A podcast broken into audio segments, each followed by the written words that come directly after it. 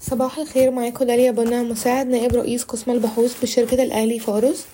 قبل ما نبدأ نتكلم عن أخبار النهاردة ممكن نتكلم عن خامس أفضل اختياراتنا للأسهم للبورصة المصرية لعام عشرين أربعة وعشرين وهو سهم GB Corporation وصل سهم GB Corporation إلى قائمة أفضل الأسهم لدينا بقيمة عادلة اتناشر جنيه ستة وتمانين قرش مع توصية بزيادة الأوزان بدعم رئيسي من GB Capital حيث يشكل واحد وسبعين في المية من التقييم النهائي بينما تمتلك GB Auto تسعة وعشرين في المية فقط.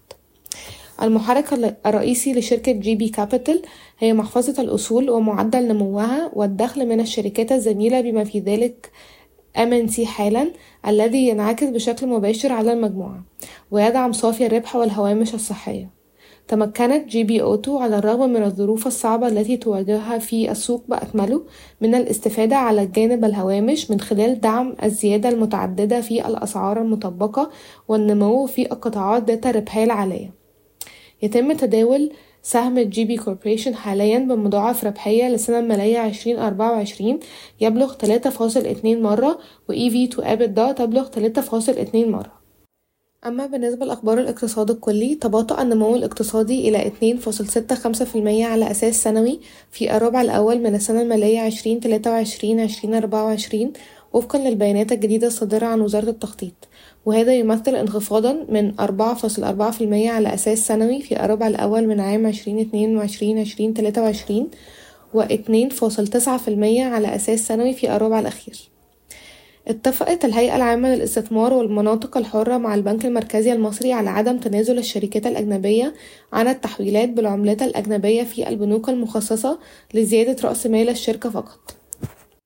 بدأت هيئة قناة السويس تحصيل زيادة في رسوم عبور السفن بنسب تتراوح بين خمسة لخمستاشر في المية لأنواع محددة من السفن وذلك بموجب قرارها الصادر في أكتوبر الماضي. تتوقع وزارة المالية أن ينخفض الدين العام بنهاية السنة المالية عشرين تلاتة وعشرين عشرين أربعة وعشرين إلى اتنين وتسعين فاصل اتنين في المية من الناتج المحلي الإجمالي وأن يستمر في الانخفاض إلى واحد وتسعين فاصل تسعة في المية من الناتج المحلي الإجمالي في السنة المالية المقبلة. وتمانية وتمانين في المية في السنة المالية عشرين خمسة وعشرين عشرين ستة وعشرين. أطلقت شركة علي الغانم وأولاده للسيارات الكويتية ومجموعة محمد يوسف ناغي السعودية ومجموعة أورغانيا المصرية مشروعا مشتركا يحمل اسم أوتو موبيليتي سيستثمر مية مليون دولار في توطين إنتاج السيارات من شركة السيارات الصينية العملاقة جيلي. تم إيقاف ما لا يقل عن خمس سفن قطرية تحمل الغاز الطبيعي المسال في طريقها إلى مضيق باب المندب منذ يوم الجمعة. بدأت حوالي 209 ناقلات نفط أو أربعة في المية من أسطول النفط العالمي في تغيير مسارها بعيدا عن البحر الأحمر خلال عطلة نهاية الأسبوع. تستهدف البورصة المصرية إطلاق نظام إفصاح إلكتروني جديد بحلول عام عشرين خمسة وعشرين يهدف إلى تطوير البنية التكنولوجية للسوق من خلال تحديث نظام التداول الإلكتروني. تعتزم الهيئة القومية لسكك حديد مصر اقتراض 18 مليار جنيه من مجموعة من البنوك المحلية لتمويل مشروعين للسكك الحديدية تخطط لإطلاقهم خلال النصف الثاني من العام الجاري. وافق مجلس النواب على اتفاقية تسهيلات التكيف الهيكلي السابعة بين مصر وصندوق النقد العربي بقيمة 614 مليون دولار.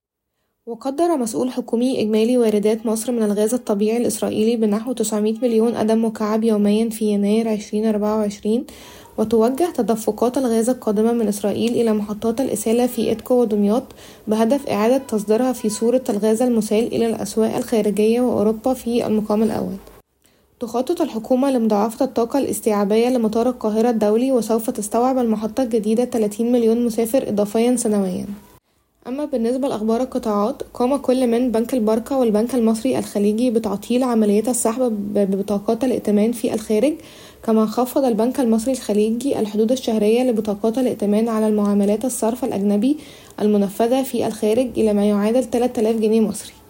وقعت شركة فاليو التابعة لشركة EFG القابضة اتفاقية شراكة مع الغرفة التجارية بدمياط لتعزيز صناعة الأثاث بدمياط من خلال تقديم حزمة متكاملة من حلول الشراء الآن والدفع لاحقا. يخطط مشغلو الهاتف المحمول المحليون لإطلاق شرائح اي سم في الربع الأول من عام عشرين أربعة وعشرين مع إجراء تجارب ما قبل الإطلاق حاليا. تتعاون المصرية للاتصالات وشركة زين عمان تل الدولية معا لبناء ممر رقمي وسيربط هذا الممر البحر الأبيض المتوسط ببحر العرب والخليج العربي مما يخلق طريقا سريعا غير مسبوق للبيانات. ستقوم الشركة المصرية للاتصالات بتطوير بنية تحتية جديدة في جميع أنحاء مصر من البحر الأحمر إلى البحر الأبيض المتوسط ثم إلى أوروبا. يدرس البنك المركزي المصري ربط InstaPay بأربع دول من دول البريكس بما في ذلك الهند وروسيا والبرازيل وجنوب أفريقيا. ستقوم شركة العربية للأسمنت بتنفيذ مشروع لتطوير أنظمة التجميع والتحكم في جزيئات الغبار الصناعي بتكلفة إجمالية تقدر بتمانية مليون يورو. سيتم الإعلان عن الفائز بمناقصة تركيب أنظمة الإشارات والتحكم لخط السكة الحديد الالتفاتي بين القاهرة والإسكندرية في يوليو المقبل. حققت شركة العاشر من رمضان للصناعات الدوائية والمستحضرات الشخصية رميدة زيادة بنسبة بنسبة واحد وتلاتين في المية على أساس سنوي في الإيرادات بما في ذلك المضادات الحيوية القابلة للحقن في نوفمبر عشرين تلاتة وعشرين. ارتفعت صادرات مصر من الأدوية والمنتجات الصيدلانية بنسبة حداشر فاصل سبعة في المية على أساس سنوي خلال الأشهر العشرة الأولى من عام عشرين تلاتة وعشرين لتصل إلى ميتين ستة وتمانين مليون دولار أمريكي. شكرا ويومكم سعيد.